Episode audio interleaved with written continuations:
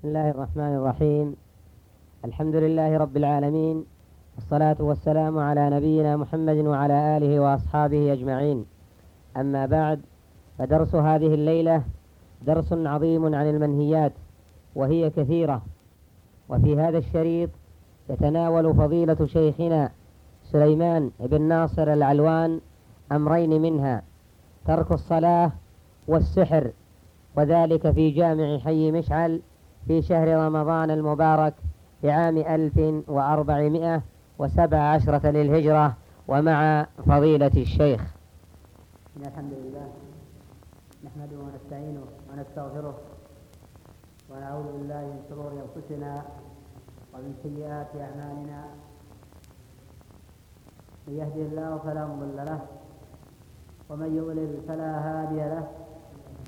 وأشهد أن لا إله إلا الله وحده لا شريك له وأشهد أن محمدا عبده ورسوله.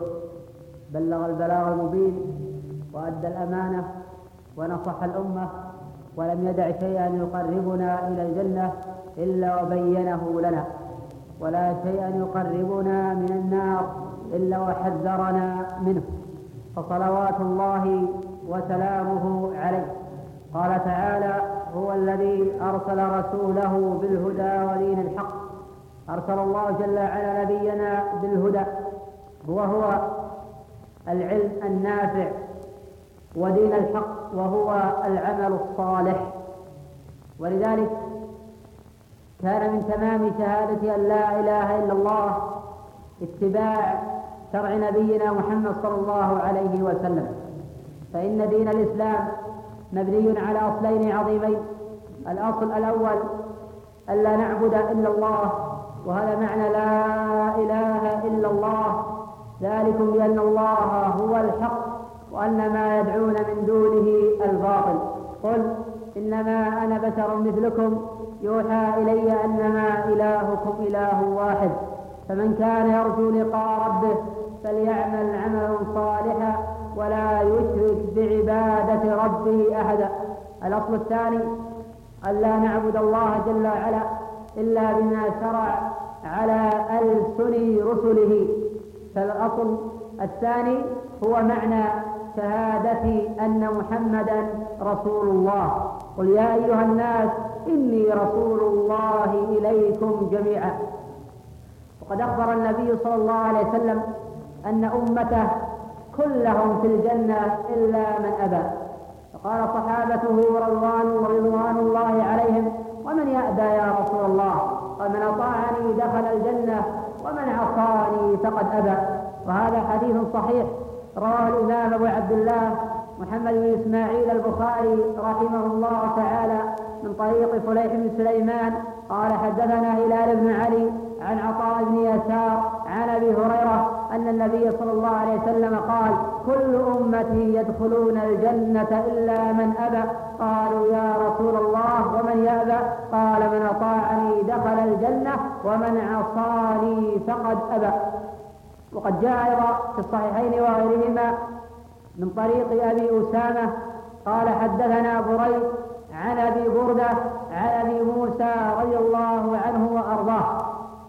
أن النبي صلى الله عليه وسلم قال إن مثلي ومثل ما بعثني الله به من الهدى كمثل رجل أتى قومه فقال يا قوم إني أنا النذير العريان كالنجاء النجاء فأطاعه طائفة من قومه فأدلجوا على مهلتهم فنجوا. وكذبت طائفة أخرى فصبحهم الجيش فأهلكهم واجتاحهم.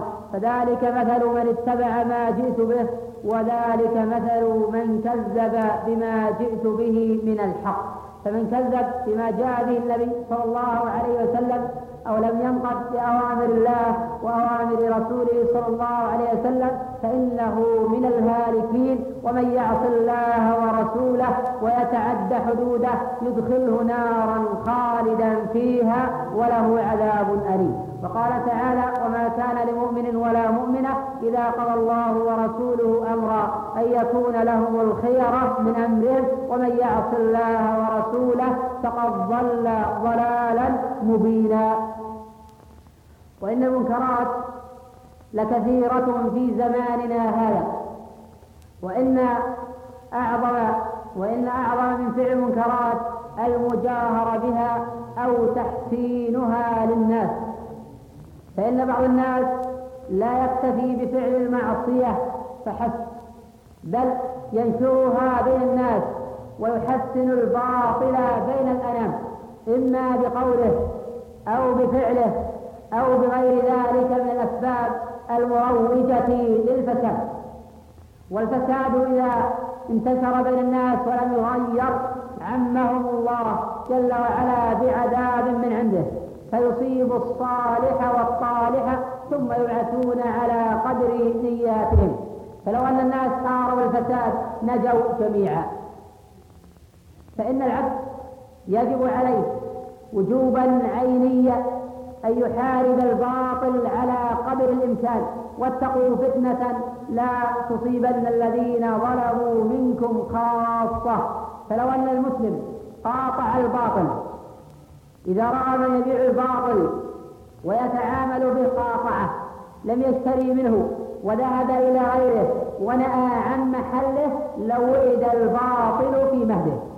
ولكن هذا يبيع الباطل وهذا يؤجره وهذا يعمل عنده وهذا يبتاع منه.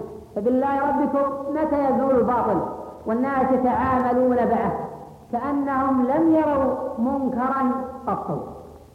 فلو أننا قاطعنا أصحاب المحلات الفاسدة من خياطين سواء كان خياطا للرجال أم للنساء ومن محلات تبيع الدخان والأمور الفاسدة التي تسبب فسادا في الأرض لوئد الباطل في مهده.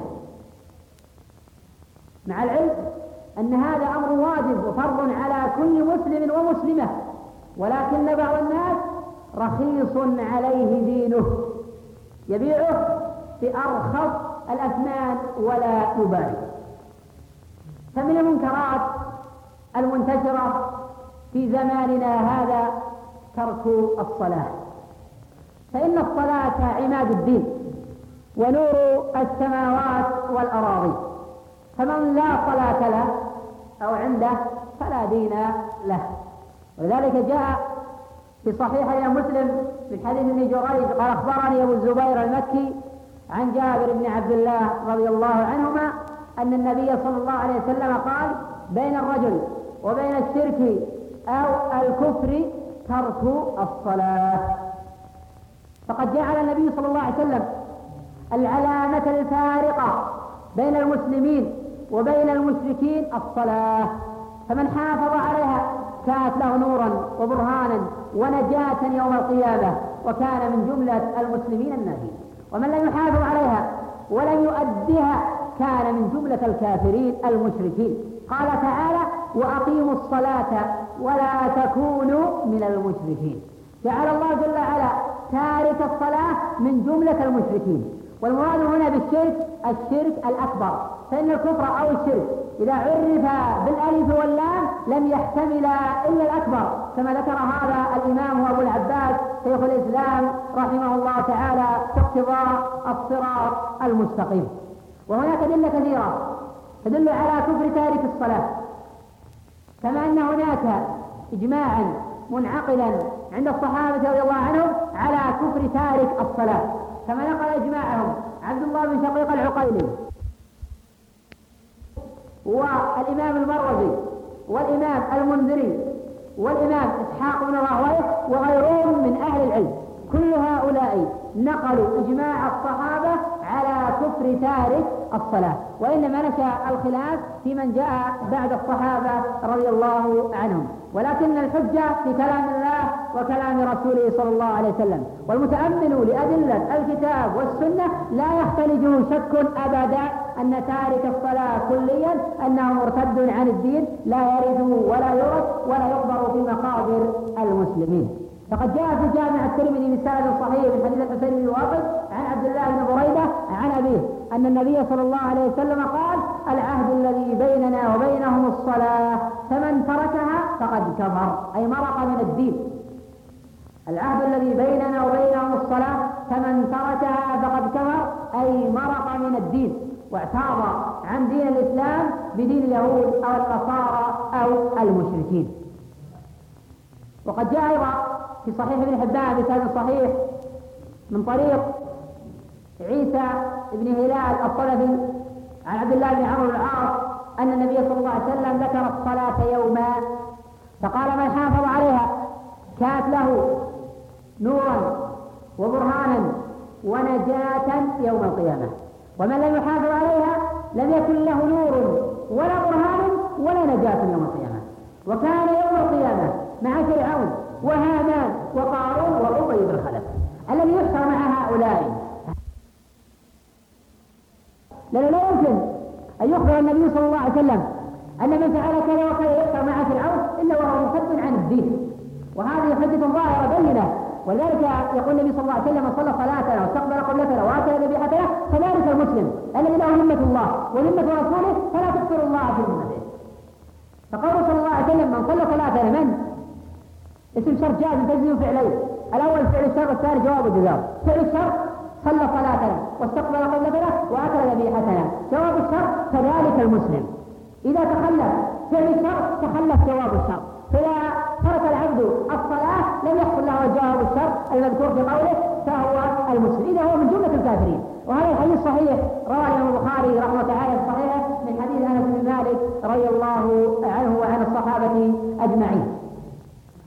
وقال الإمام أبو عيسى الترمذي رحمه الله تعالى حدثنا قتيبة بن سعيد قال أخبرنا باسم مفضل عن الجريري عن عبد الله بن شقيق العقيلي قال كان أصحاب رسول الله صلى الله عليه وسلم لا يرون شيئا من أعمال تركه إلا الصلاة.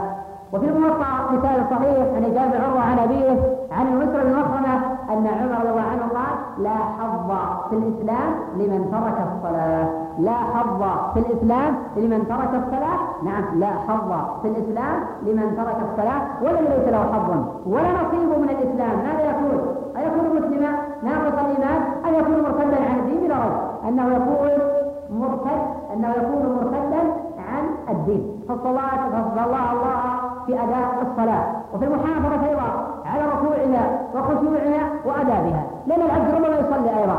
لا يتم ركوعه ولا سجوده ولا يطمئن في صلاته. ينقل الصلاة كنقر الغراب وفي صحيح البخاري من طريق شعبة عن الاعمش عن بن وهب عن حذيفة رضي الله عنه انه راى رجلا لا يتم ركوعه ولا سجوده فقال له ما صليت؟ ما صليت؟ نعم ما صليت. ولو مت على هذا أي على هذا الفعل القبيح الذي يؤدي إلى الإخلال بأداء الصلاة بركوعها وسجودها وخشوعها لمت على غير فطرة الله التي فطر الله عليه محمد صلى الله عليه وسلم. وفي الصحيحين وغيرهما من حديث يحيى بن سعيد عن عبيد الله قال حدثنا سعيد بن أبي سعيد المقبري عن أبي عن أبي هريرة.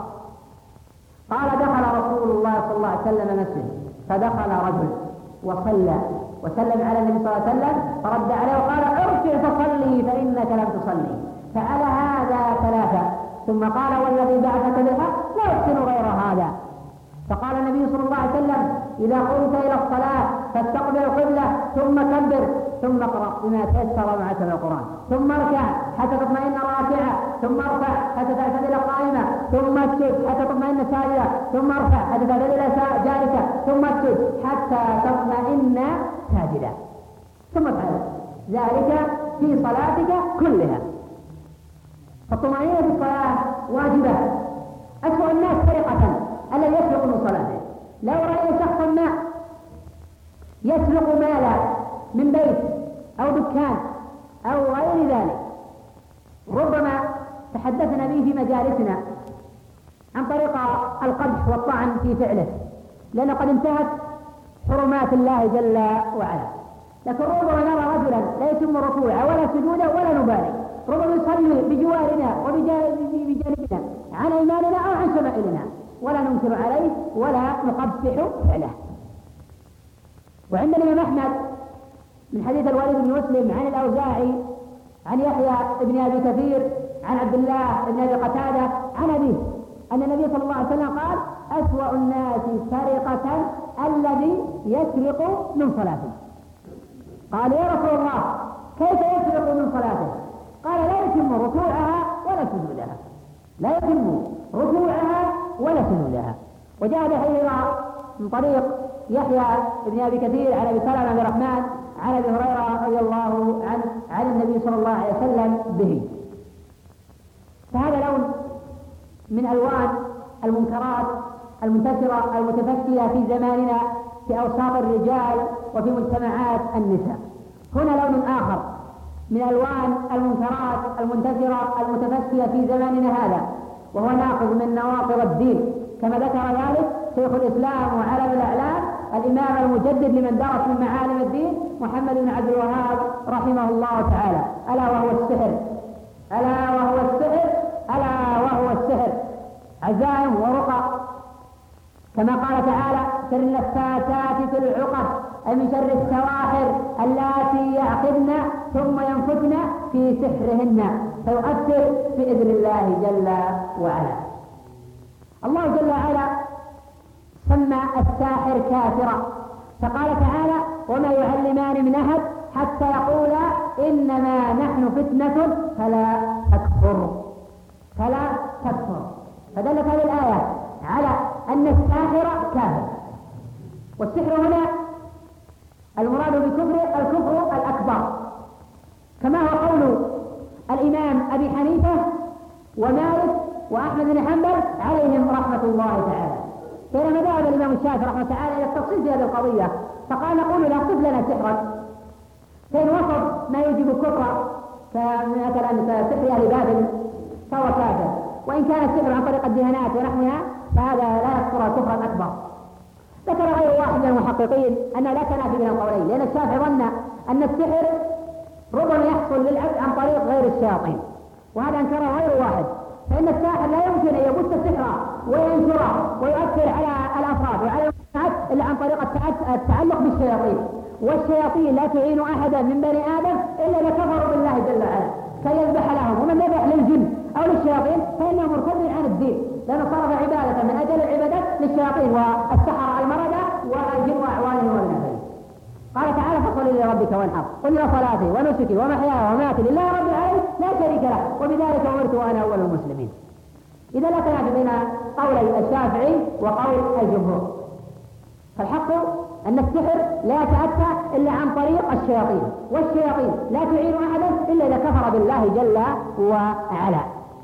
وقرن النبي صلى الله عليه وسلم السحر بالشرك بالله جل وعلا. لأن السحر أمر عظيم يفرق بين المرء وزوجه يفسد امما ومجتمعات يؤثر على المرء وزوجه وهو نوعان صرف وعطف. الصرف أن يصرف من يحب إلى بغضه والعطف أن يعطف من يبغض إلى حبه. السحر حقيقي وهو موجود وله حقيقة. خلافا للمعتزلة الذين ينكرون حقيقته. أما أهل السنة والجماعة فإنهم يثبتون حقيقته ويثبتون وجوده. وقد أجمع الصحابة رضي الله عنهم على وجوب قتل الساحر. لأنه مفسد في الأرض. والحق أيضا أنه لأنه مرتد عندهم فقد ثبت عن عمر وجندب وحفصة أنهم أمروا بقتل الساحر. فالحفصة أمرت بقتل الساحرة جارية الله سحرتها فقتلت. كما روى عبد الله بن الأسد في مسائله عن أبيه. والأثر إلى عمر وإلى جندب وإلى حتى صحاح كما قال الإمام رحمه الله تعالى عن ثلاثة من أصحاب النبي صلى الله عليه وسلم. أي صح عن ثلاثة من أصحاب النبي صلى الله عليه وسلم قتل الساحر والساحرة. سواء قلنا بأنه كافر أو قلنا بأن فعله لا يصل إلى الكفر الأكبر. يجب قتله لإراحة العباد من شره. هو أعظم من قطاع الطرق أعظم من شراب الخمور أعظم من مروجي الحشيش أعظم بأضعاف كثيرة من كثير من هؤلاء. كما أنه يقتل قاطع الطريق يقتل المبتدع الداعي إلى بدعته يقتل المفسد في الأرض. والساحر أعظم من هؤلاء إفسادا لأنه يؤثر على الشعوب وعلى المجتمعات ولأنه ينشر به كل الأعراض ويؤذي المسلمين والمسلمات. مع تفشي السحر وانتشاره وبالسلة من طلبة العلم والعلماء يحاربونه إلا أن نجد بعض السلبيات عند كثير من الرجال والنساء خصوصا النساء. بما أن تصاب بمرض ربما أصابتها شوكة تكل الأمر إلى السحر. تقول أنا مسحورة. حتى بعض النساء ربما تطلق تقول أنا مسحورة. ربما لا توفق مع زوجها تقول أنا مسحورة. أنا جميلة وأنا كذا وكذا. وفلانة من الناس دميمة وموفقة لماذا توفق وأنا لا أوفق إذا أنا مسحورة فكر الأمر كله إلى السحر والسحرة. ربما أن بها نفسها وارد أما السحر فلا ننكر حقيقته ولكن ننعى على هؤلاء الجهال الأغمار الذين يجعلون الأمر كله من قبيل السحر والسحرة حتى لا يكاد يصاب المرء بمرض إلا قال أنا مسحور. حتى أنه لا يكاد يوجد مرض عند هؤلاء حسي ولا عضوي إلا عن طريق السحر والسحرة. وهذا في الحقيقة جهل عظيم وتلاعب بأحكام الله وأحكام رسول الله صلى الله عليه وسلم. رغم أنه مرض مصاب بالوسوسة فإن كثيرا من الموسوسين يقول أنا مسحور. يساعد على هذا أن مرض قد يستعصي على بعض الذين يرقون فبعض الذين يرقون يكون جاهلا بأحكام الله وأحكام رسول الله صلى الله عليه وسلم. إذا استعصى المرض عنده قال أنت مسحور لا حيلة فيك. سمع موسوس مع جاهل. ربما يجتمع شيطان مريض ثالث. ينفق ربما ينفق جني. لأن تلبس الجن بالإنس هذا أمر مجمع لا ينكر. ربما أن الجن يسمع قضية هذا الموسوس أو على المصاب بالمرض النفساني فيتلبس بهذا الرجل وينطق على لسانه. يقول أنا جيت عن طريق السحر الفلاني. حينئذ يوقع الراقي بأصابعه عشرة. أن فلانا قد سحر. سبحان الله أبي شهادة شيطان مريض. تحكم بأن هذا شخص مسحور. هذا غلط. الجن لا يصدقون. كذبة مرضة فجرة فساق. يا أيها الذين آمنوا إن جاءكم فاسق بنبأ فتبينوا. ربما أيضا أن المريض يتهم أناسا بالسحر. قد يكونون خيرا قد يكونون يطهرون الأرض التي يمشون عليها. أناسا صالحين أبرياء غافلين. ثم ربما يوسوس له الشيطان فلانا أو فلانة قد سحرتها أو سحره. حينئذ يساعد على هذا الراقي الجاهل والشيطان المريض. فيقول جئت عن طريق المرأة الفلانية. ربما يكون المريض والمريضة يصدقان كل ما يقال لهما. فحينئذ يعتيان في الأرض فسادا. المرأة تقول المسحورة جئت. عن طريق المرأة الفلانية عن طريق أخت زوجي أو أم زوجي أو عمة زوجي أو خالة زوجي أو جارتي أو غير ذلك. ما الدليل على هذا؟ تقول حدثني الراقي فلان عن الشيطان الرجيم المريض. هذا دليلها عوض أن تقول أو تستدل بكلام الله وبكلام رسول الله صلى الله عليه وسلم وبالحقائق البينات والحجج الواضحات الجليات النيرات تستدل بقول شيطان مريض وترمي الأبرياء الغافلين أو الغافلات والذين يؤذون المؤمنين والمؤمنات. بغير ما اكتسبوا فقد احتملوا بهتانا وإثما مبينا. ربما انها لا تفتى بسبب اتهامها للناس بسبب اتهام الأبرياء نحن نعم لا ننكر أنها قد تكون مسحورة ربما. وربما أن تكون موسوسة. لا شيء لا شيء فيها. قال قليل السؤال ربما أنها مصاب مرض نفسي. هذا وارد ربما أن بها عين. ربما أن بها عين. فإن العين حق. كما في صحيح عليه مسلم. من حديث ابن واحد عبد الله بن طاووس عن أبي عن ابن عباس أن النبي صلى الله عليه وسلم قال العين حق. ولو كان شيء سابق القدر لسبقت العين لماذا نكل الأمر كله إلى السحر؟ لماذا نكون الأبرياء؟ لماذا نكتم العوائل الحصينة الطينة الدينة؟ لماذا نكتمهم بالسحر بدون حجة؟ فلذلك يجب على الذين يقول يتقوا الله جل وعلا. ولا يوهموا الجهال بأن هذا جاء عن طريق السحر بدون دليل أو برهان كما أسلفنا. الجني لا يصدق أبدا. ولذلك ربما لو رقاها شخص آخر لقال جئت عن طريق السحر من من فلان؟ يذكر شخصا آخر غير الأول. يرقي ثالث يقول جئت عن طريق السحر. من هي الساحر؟ يذكر شخصا ثالثا أو رابعا أو خامسا أو ثالثة أو عاشرة. وهذا أمر ملموس محسوس موجود. كذلك بعض الذين يقول يقول قد احتوشه الجهل والجاهل هذا ما يفسده أكثر مما يصلحه. يقيس ثم يقول ماذا تتخيل؟ ماذا تتخيل؟ أو ماذا تتخيلين فتقول تخيل فلانا. ربما تذكر ميتا من الأموات. يقول عانك فلان. سبحان الله الميت يعين الميت يعين ولكن بسبب البدع والإعراض عن الرؤية الشرعية التي جاءت في كلام الله وكلام رسول الله صلى الله عليه وسلم أصبنا بما أصبنا فيها الآن. من كثرة الوساوس والشياطين والمردة وكثرة الابتلاء وأصبنا أيضا بالتفكك العائلي والأسري والتفكك الفردي أيضا والاجتماعي. فلذلك يجب أيضا على أمثال هؤلاء يتقوا الله جل وعلا وألا يرقوا بهذه الطريقة المبتدعة التي لا أصل لها لا في كلام الله ولا في كلام رسوله صلى الله عليه وسلم ولا في قول صاحب.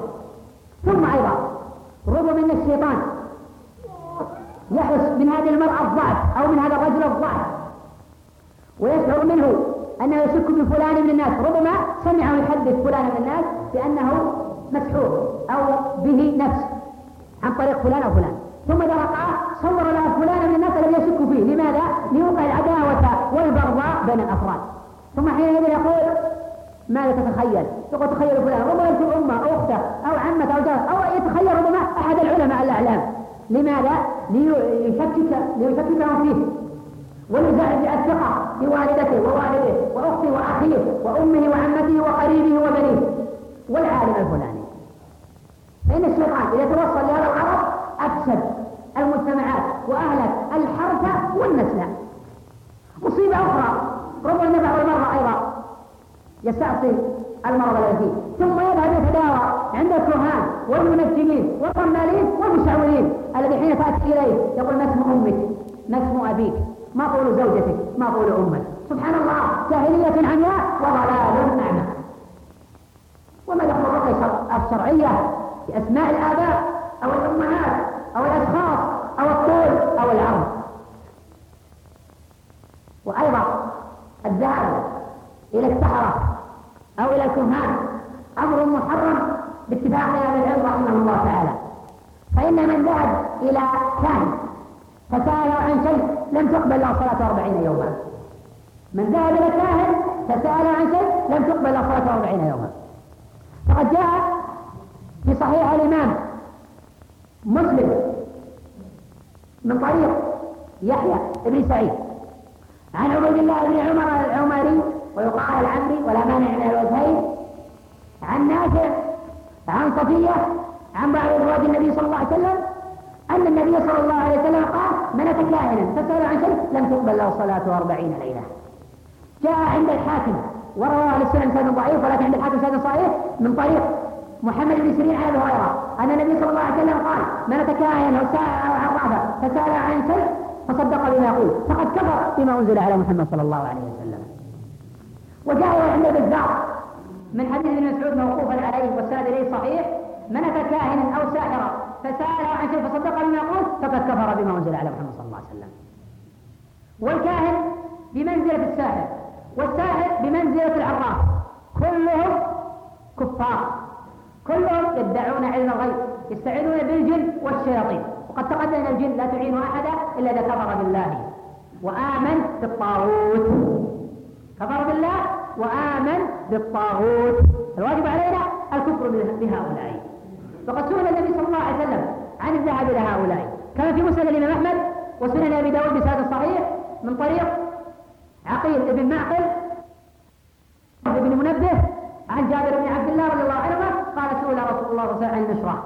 فقال هي من عمل الشيطان. يقول الإمام العلامة ابن القيم رحمه الله تعالى النشرة نوعان. نوع حل بسحر مثله. هذا من عمل الشيطان. وعلى يحمل قول حتى لا يحل السحر إلا الساحر. النوع الثاني حل البرقة وادعية ودعوات مباحة فهذا جائز. ولا أظن رجلا أو امرأة يصدق الله جل وعلا سواء كان مسحورا أو مصابا بالعين أو بغير ذلك يصدق الله. ويسأل الله بقلب صادق مخبت إلا أجاب الله دعاه وكشف كربته وعافاه مما ابتلاه به سواء كان سحرا أو نفسا أو وسوسة أو عدوا مؤذية أو غير ذلك. يكفيه الله جل وعلا ما أهمه وما اختلج وما ألاه. لكن الصدق قليل في الناس بمجرد يصاب العبد بالنفس أو بالعين. أو بالوسوسه أو بغير ذلك يفزع إلى غير الله جل وعلا. حقيقة الإيمان الفزع لله جل وعلا. هذه حقيقة الإيمان ان يفزع العبد لربه جل وعلا. وهناك أيضا ألوان كثيرة من المنهيات. بقي الآن كيفية حل السحر. لا شك أن الله جل وعلا ما أنزل داء إلا أنزل له دواء. علمه من علمه وجهله من جهله. الله جل وعلا أنزل القرآن تبيانا لكل شيء وهدى ورحمة للمؤمنين. أنزل الله جل وعلا القرآن شفاء للصدور ورحمة للعالمين. قال تعالى وننزل من القرآن ما هو شفاء ورحمة للمؤمنين ولا يزيد الظالمين إلا خسارا فقوله جل وعلا وننزل من القرآن من هنا بيانية. فالقرآن كله شفاء كله بيان كله هدى كله رحمة للمؤمنين. إلا أن بعض الناس ربما لا يحسن التداوي بالقرآن. يجعل القرآن آخر مرحلة للتداوي. ولسان مقال يقول نجرب القرآن. أي هل ينفع أم لا ينفع؟ وهو في شك مريب. هل هو ينفع أم لا؟ وربما يغلب على الظن عنده أنه لا ينفع. ولكن نجرب القرآن. وهذا من الأسباب المانعة من التجافي والتداوي بالقرآن ومن الأسباب الحائلة بين برء هذا المرء. أو الأسباب الحائلة لبرء هذا المرء.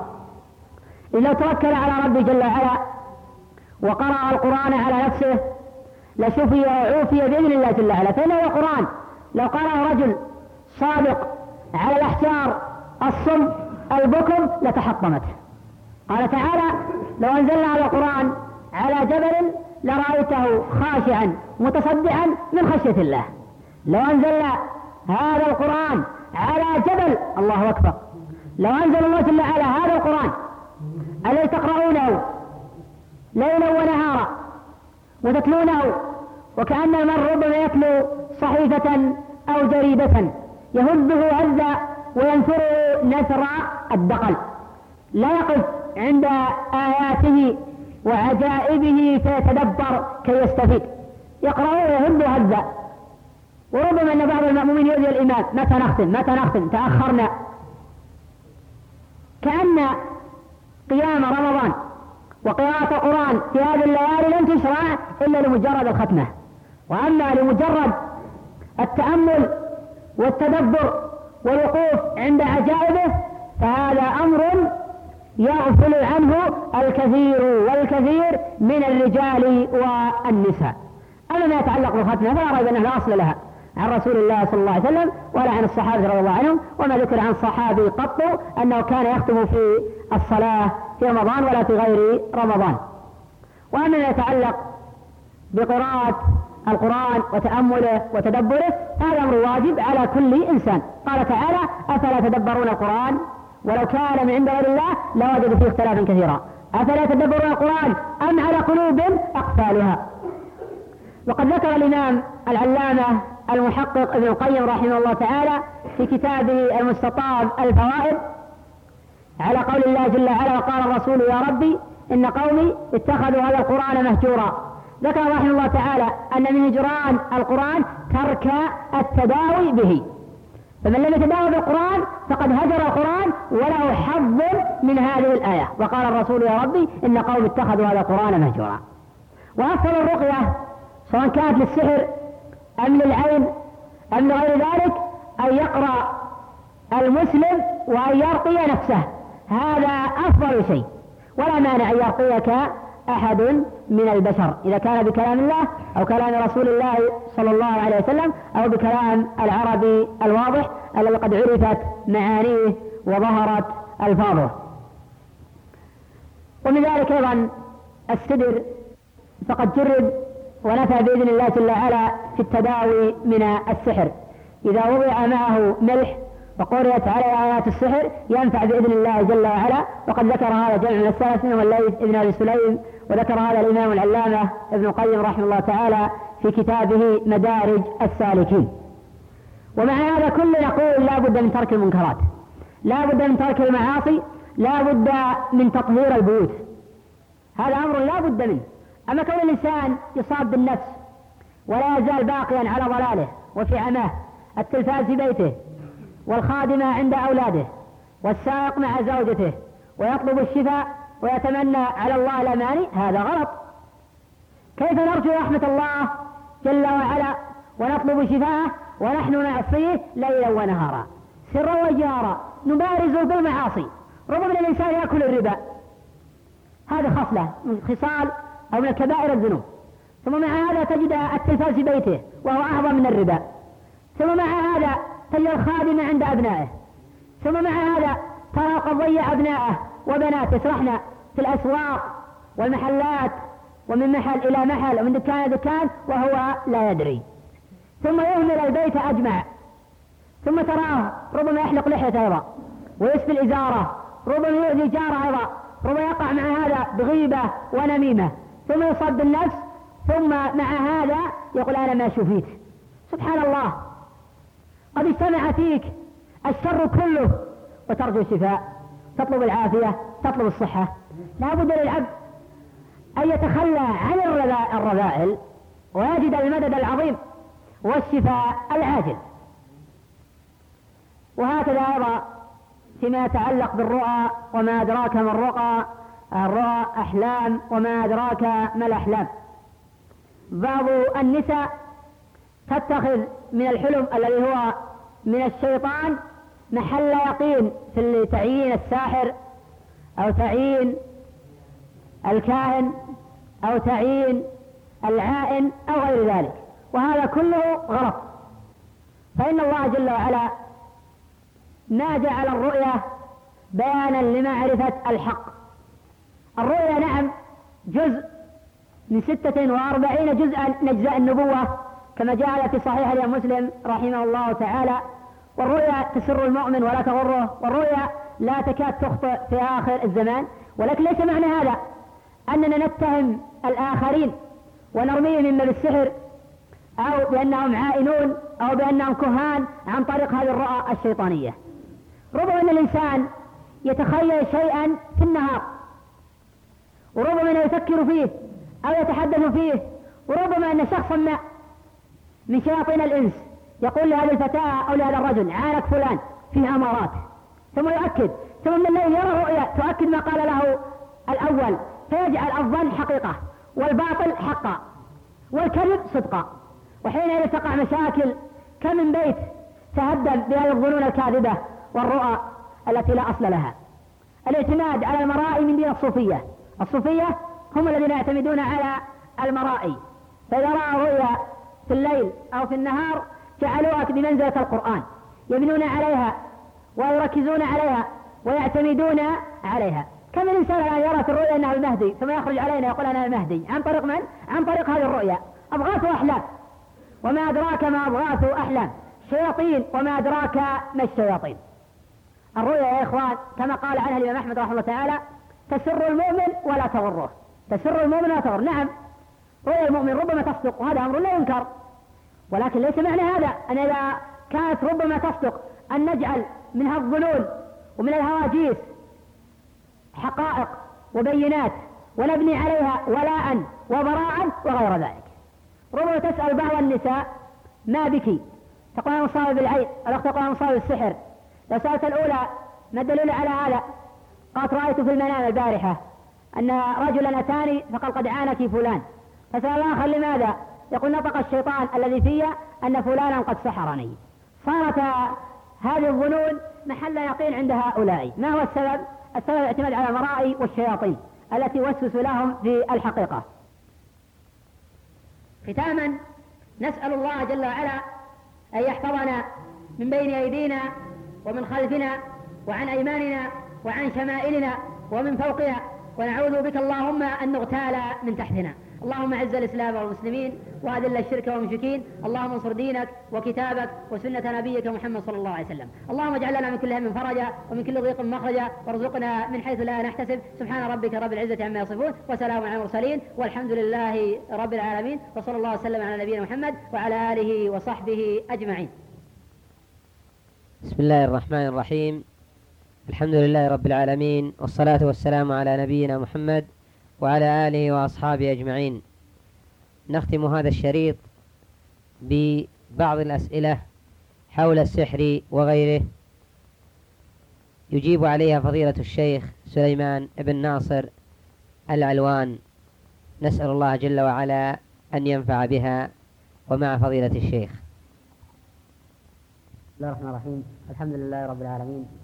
والصلاة والسلام على نبينا محمد وعلى آله وصحبه أجمعين. وهنا مجموعة من الأسئلة. نذكر أهمها وأولاها. السؤال الأول يقول إذا ابتلي المرء بالوسوسة والسحر والعين هل يجر على هذا؟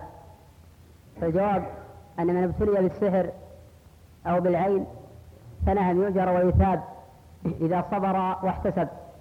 فقد سحر النبي صلى الله عليه وسلم والحديث متواتر في سحره. والذي يبتلى هو المؤمن ومن يريد الله به خيرا يصب منه كما جاء في البخاري من حديث أبي هريرة رضي الله عنه. وقد جاء عند هناد في الزهد وابن حبان في صحيحه من طريق محمد بن عمرو عن أبي سلمة بن عبد الرحمن عن أبي هريرة رضي الله عنه قال دخل أعرابي على رسول الله صلى الله عليه وسلم. فقال له النبي صلى الله عليه وسلم هل أصابتك أم ملدم؟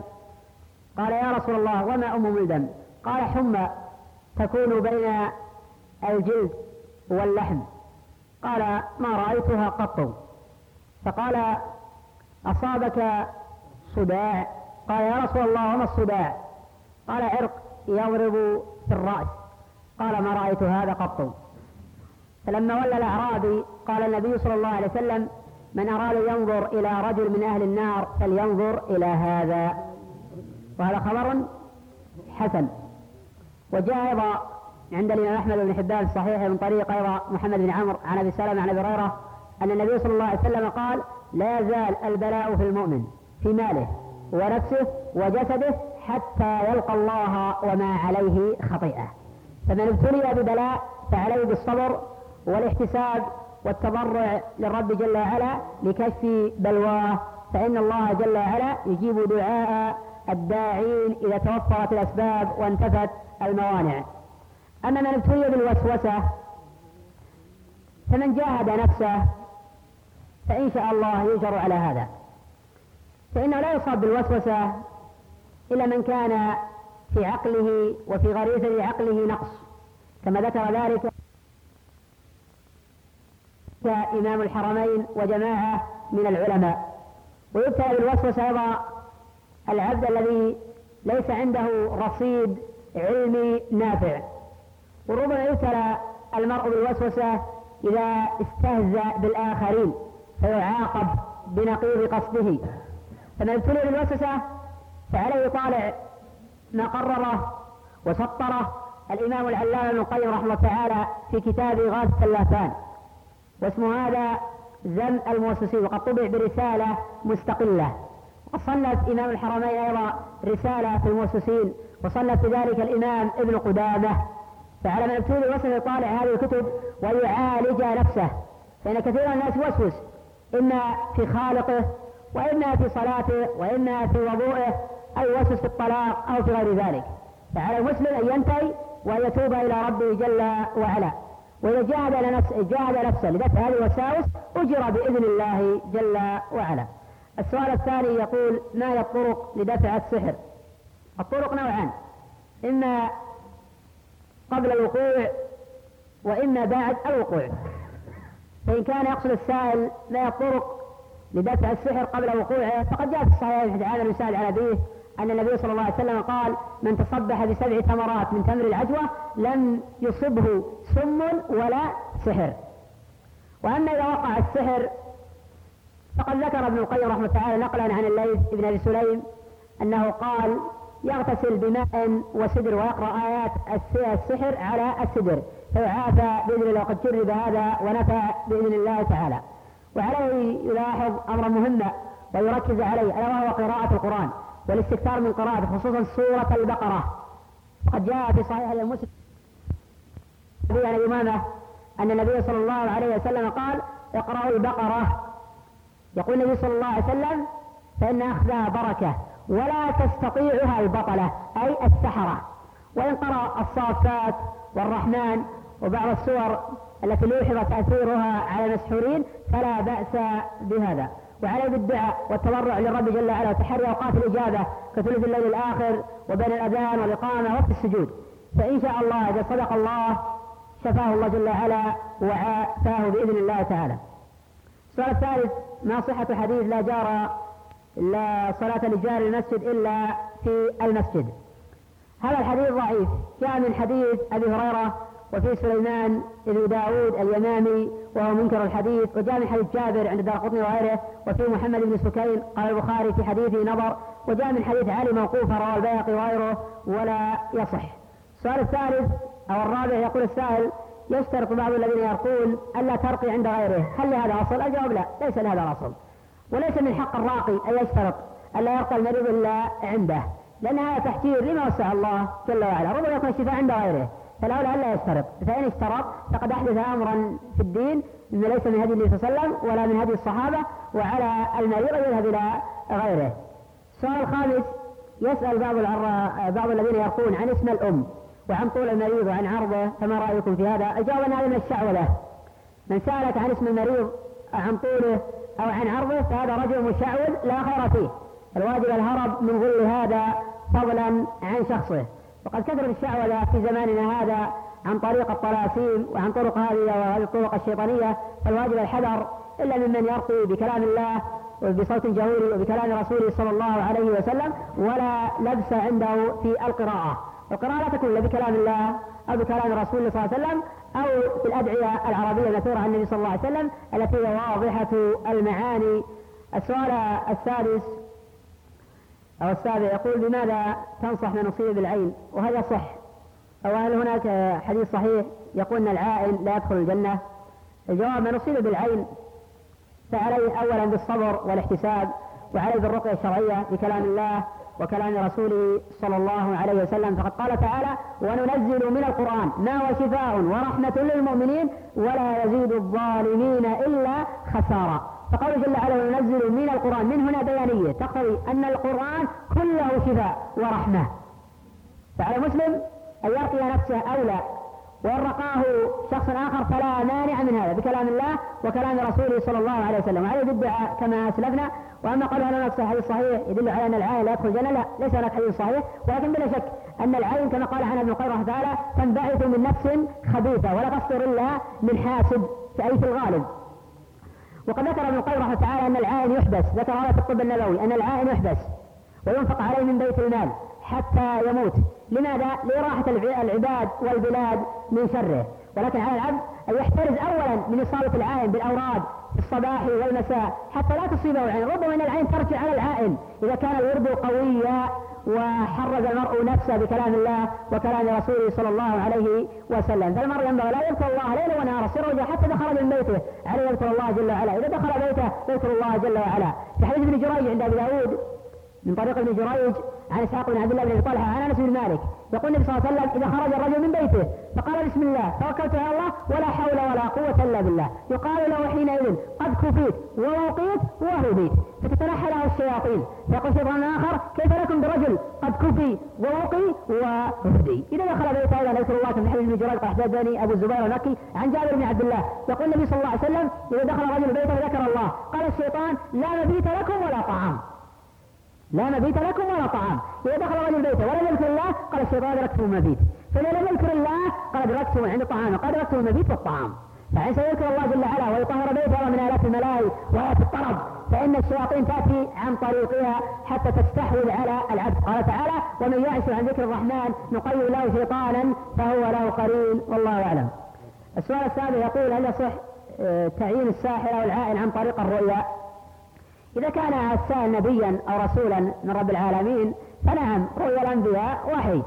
كما جاء في السنة لابن أبي عاصم عن معاذ وكذلك جاء بسند صحيح عن ابن عباس رضي الله عن الصحابة أجمعين أن رؤيا الأنبياء وحي. وقد انقطعت النبوة بآخرهم وبوفاة نبينا محمد صلى الله عليه وسلم فإن لا نبي بعده. وهذا أمر مجمع عليه بين المسلمين ورؤيا الأنبياء وحي. أما رؤيا غير الأنبياء فربما تصيب وربما تخطئ ولكن لا تكاد تخطئ رؤيا المؤمن في آخر الزمان كما جاء في صحيح المسلم حديث رضي الله عنه. ولكن لا ينبغي الاعتماد على المرائي لأن الاعتماد على المرائي من طرق الصوفية الذين لا خلق لهم. وقد لوح التوسع بعض الناس في هذا. إذا رأى رؤيا ربما أنها أحاديث نفس ربما أن حلم أيضا من الشيطان يقول له سحرك فلان أو عانك فلان أو ربما تتكرر معه الرؤيا وهذا من الشيطان الرجيم. فيجعل من الظن حقيقة ومن الباطل حقا. وهذا غلط. هذا اتهام للآخرين.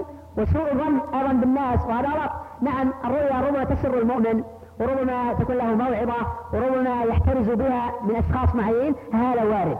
أما كوننا نجعل الرؤيا حقا والباطل صدقا والظن يقينا فهذا غلط ومخالف لما بعث الله به نبينا محمدا صلى الله عليه وسلم. حتى الرؤية عهد النبي صلى الله عليه وسلم إذا رأى صحابي لا تكون حقا إلا إذا قرها النبي صلى الله عليه وسلم. أما إذا لم يقرها فلا تكون حقا. فما ذلك بما رأي النساء في الزمان فإن كثيرا من النساء تحرص على الرؤيا ما لا تحرص عن دينها ولا عن عقيدتها وهذا غلط أيضا. ينبغي الإنسان ألا يعتمد على المرائي ولما جاء رجل إلى أحمد رحمه الله تعالى قال رأيتك في الرؤيا بكذا وكذا كان يشير إلى الجنة فقال الإمام أحمد رحمة تعالى لعلمه وجلالة قدره الرؤيا تسر المؤمن ولا تغره. نعم.